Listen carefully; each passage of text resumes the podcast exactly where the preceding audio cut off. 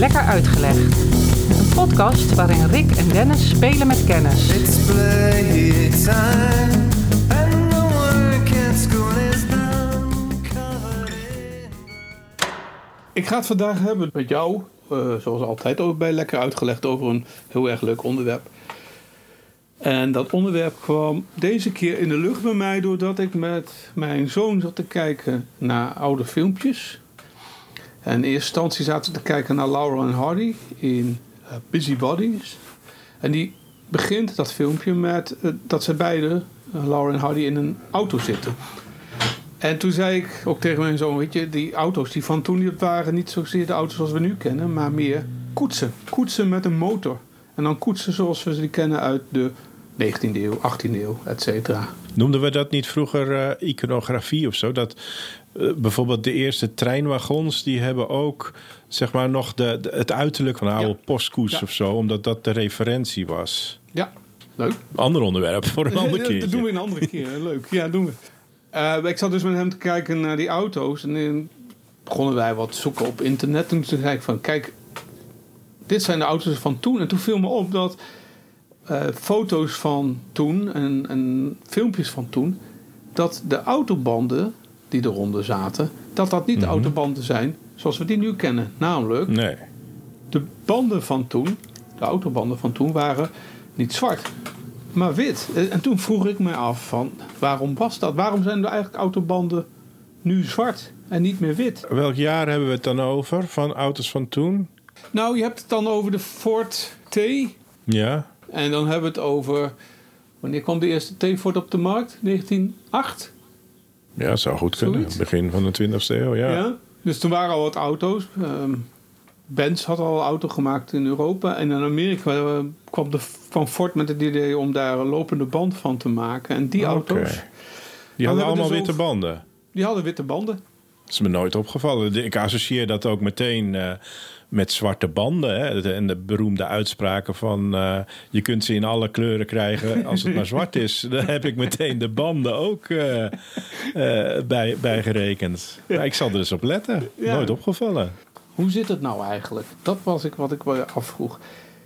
Ik ken rubber niet goed in de zin dat ik het nog nooit in het echt gezien heb.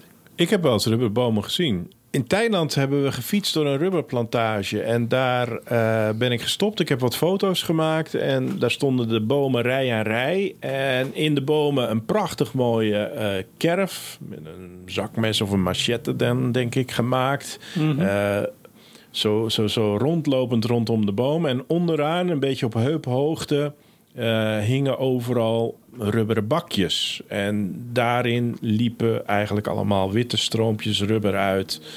En in sommige heb ik ook zeg maar eventjes gevoeld in het bakje. En best wel hard. Dus ik, eh, het, loopt er, het stroomt er vloeibaar uit. Maar als het eenmaal denk ik in het bakje zit en afkoelt...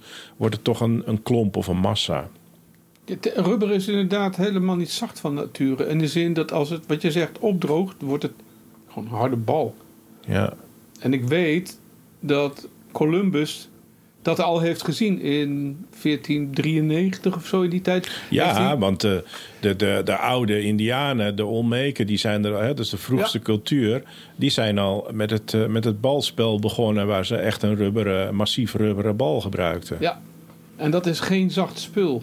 Eh, zoals wij het kennen als wij een elastiekje nu gebruiken. Dat is, eh, voor zover dat nog allemaal rubber is, het is allemaal zacht en eh, goed te bewerken met je vingers. Maar dat is eh, pas na bewerking. Want rubber, een, dat is uiteindelijk een organische verbinding van koolstof en waterstof. Mhm. En die wordt ook, zoals jij zei, uit planten gewonnen. Ja. Rubberbomen. Ja. En ik geloof ook dat wij het dan nog latex noemen. Want latex is de vloeibare stof eh, uit een boom. Maar ik vind het net houtlijm. Het is net houtlijm. Ja, ja het, is, eh, het is plakkerig. Heb jij het Ja. ook gevoeld aan die boom? Heb Ja, ja, ja. Het, het is, het is echt net houtlijm, eh, voor mijn gevoel. Ja, melk, melkachtig. Ja, ja het is als je, als je een, is dat welk paardenbloem, als je die breekt, heb je zo'n hol, eh, hol stammetje zeg maar, van de paardenbloem. Ja. En als je heel even wacht, dan verschijnt er zeg maar, bij de breuk eh, op de randen verschijnt ook zo'n wit, eh, wit goedje. En dat is ook precies zo. Dat is ook zo'n zo'n zo'n houtlijmachtige, plakkerige substantie. Het schijnt trouwens dat je daar ook latex uit kunt winnen. Dat dat spul wat uit een paardenbloem komt ook een vorm van latex is. Dus helemaal vreemd is jouw associatie niet. Integendeel, dat is spot on. Alright. Ja, Way to go. we springen even naar de 19e eeuw. Want toen, dat is toch eigenlijk de eeuw van de industrialisatie, waarbij allerlei uitvindingen en ontdekkingen Ja. werden gedaan. En in die tijd, en dan hebben we het over de jaren 40, kwam een schot, Robert William Thompson, eh, tot het idee om rubber te bewerken en toe te passen als luchtband. Hij heeft daar ook een patent op aangevraagd. En uiteindelijk heeft deze Thomson niks met dat patent gedaan. Dus dat patent is verlopen na eh, een aantal jaren, ik geloof 30 jaar, 40 jaar. En in de jaren 80 van de 19e eeuw kwam een ander op het idee om dat patent dan maar op zijn naam te laten zetten. Hmm. En wie was dat? Dat was een bandenmaker. En een Ah. naam die we nog steeds kennen. Antonio Pirelli. Nee, het was eh, John Dunlop. John Dunlop van de tennisballen. Van ja, precies. Die. hij heeft banden gemaakt. En nou is het fascinerende van... Wat was de kleur van die eerste banden? Ja, Zwart. wit. Oh, Nee, toch wit? ik denk, ik, ik pak alvast door, want daar gaan we naartoe. Oh, die was ook wit. Nee, die- was wit. Dus de kleur van rubber. Ja. Zoals we dat kennen. Zoals, Zoals jij dat gezien hebt Ja. aan de boom. Nou, natuurlijke rubber, zoals je zegt, is wit. En de auto's van de eerste generatie, dus de T-Fords, die hadden ook banden die wit waren. Ja. En de reden waarom ze wit waren was trouwens niet alleen omdat rubber wit is, maar ook omdat ze zinkoxide toevoegden aan het rubber. Eigenlijk vooral om het materiaal te versterken. Dus de banden die wit waren in de eerste generatie auto's, waren wit omdat zinkoxide. Maar dat is veranderd. En wanneer veranderde dat? Zo rond 1917. Toen werden de autobanden zwart. En wat is de reden daarvoor? Nou, dat is eigenlijk een hele goede reden, zoals dat vaak gaat met eh, momenten in de menselijke geschiedenis als de oorlog uitbreekt. Men gaat van alles uitvinden en ontdekken omdat er tekorten komen of omdat men een, eh, ap- iets wil ontdekken, ontwikkelen wat gebruikt kan worden in de oorlog. Nou, de zinkoxide die gebruikt werd om autobanden sterker te maken, werd nodig voor de oorlogsindustrie. Want zinkoxide werd gebruikt om het maken, voor het maken van munitie. Ah, kijk. Dus op een gegeven moment werden de witte banden werden zwart.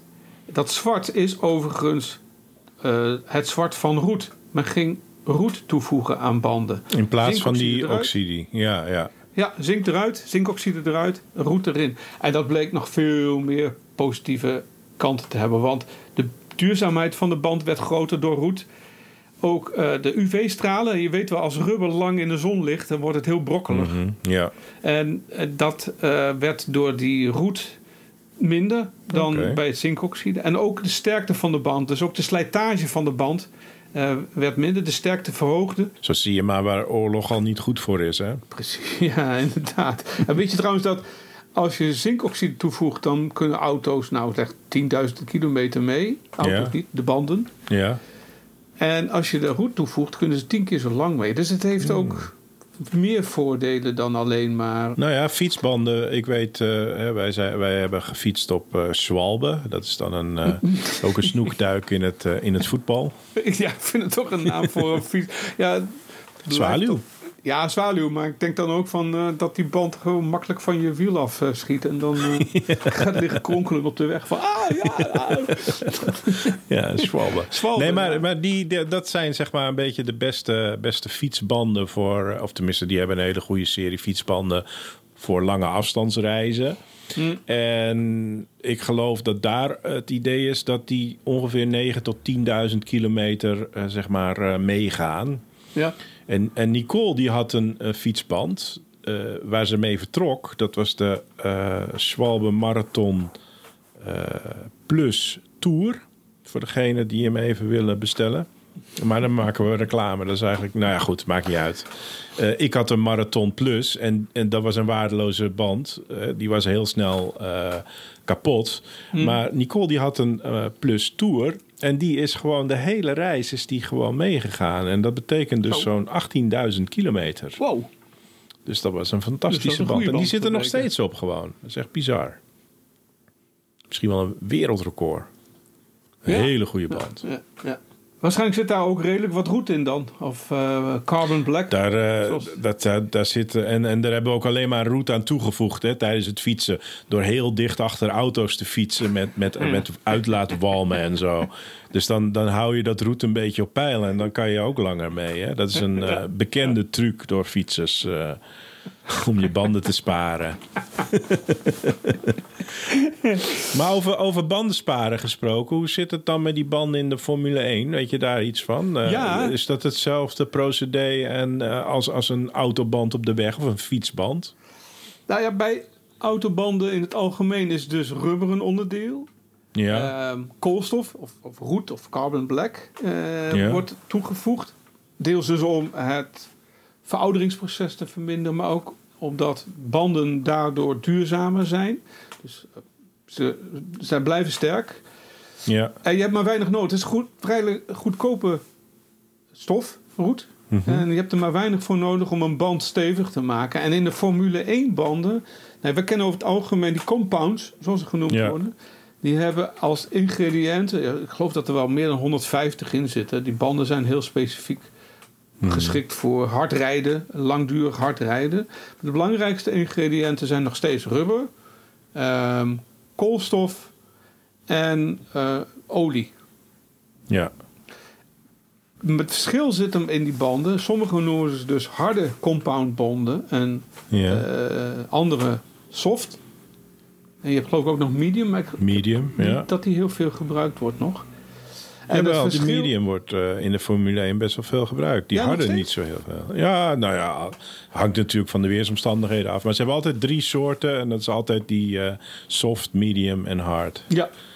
En dat is rood, geel en wit. Oh, je weet zelfs de kleuren. Kijk. Ja, ja, ja, ja, ja. ja.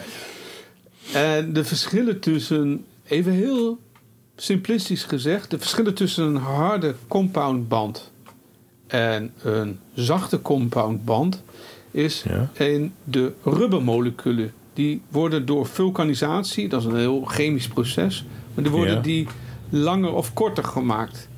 En de moleculen die in een harde compoundband zitten, die zijn korter. Dus Ja, dat betekent ook dat eh, de interactie met het baanoppervlak veel kleiner is. Dus de, de, de minder grip Mhm. en eh, minder interactie tussen band en baan. Nou, een zachte compoundband is het tegenovergestelde. Eh, grotere moleculenlengte, die dus makkelijker kan interacteren met de baan. Dus meer grip. Dus eigenlijk dat is het verschil. Het is het proces van hoe bewerk je rubber en alle andere ingrediënten in zo'n band. En hoe zorg je ervoor dat een molecuul dat in de band zit, dus de rubber, het rubber zelf, in Mhm. de, eh, het raken van de weg, makkelijker of minder makkelijker Ja. eh, het interacteert. Hey, maar er zit dus nog steeds natuurlijk rubber in een Formule 1 band. Want ik zou denken dat dat helemaal eh, inmiddels wel eh, synthetisch of zo zou zijn. Ik weet niet of precies of eh, de Formule 1 band inderdaad helemaal nog bestaat als het gaat om het rubberdeel uit natuurlijke rubber. Dat is wel weer een vraag Nee. die wij weer in de lucht kunnen gooien. Ja, Maar goed, dat is mijn verhaal voor vandaag. hartstikke goed. Lekker uitgelegd. Lekker uitgelegd is een podcast van Dennis Ai en Rick Roeland. Wil je geen uitleg missen? Abonneer je dan op Lekker Uitgelegd. Dat kan op Spotify, iTunes of in je favoriete podcast-app. Laat ook vooral een recensie achter. Dat vinden wij leuk en andere mensen kunnen ons dan sneller vinden. Lekker Uitgelegd is ook prima te volgen op Twitter, Facebook en Instagram. Wil je meer weten over deze aflevering? Kijk dan op lekkeruitgelegd.nl. En wil je reageren? Dat kan. Stuur dan een mailtje naar info@lekkeruitgelegd.nl. Tot over twee weken. Lekker uitgelegd is een klankmedia productie. En de muziek, die is van Kolbak.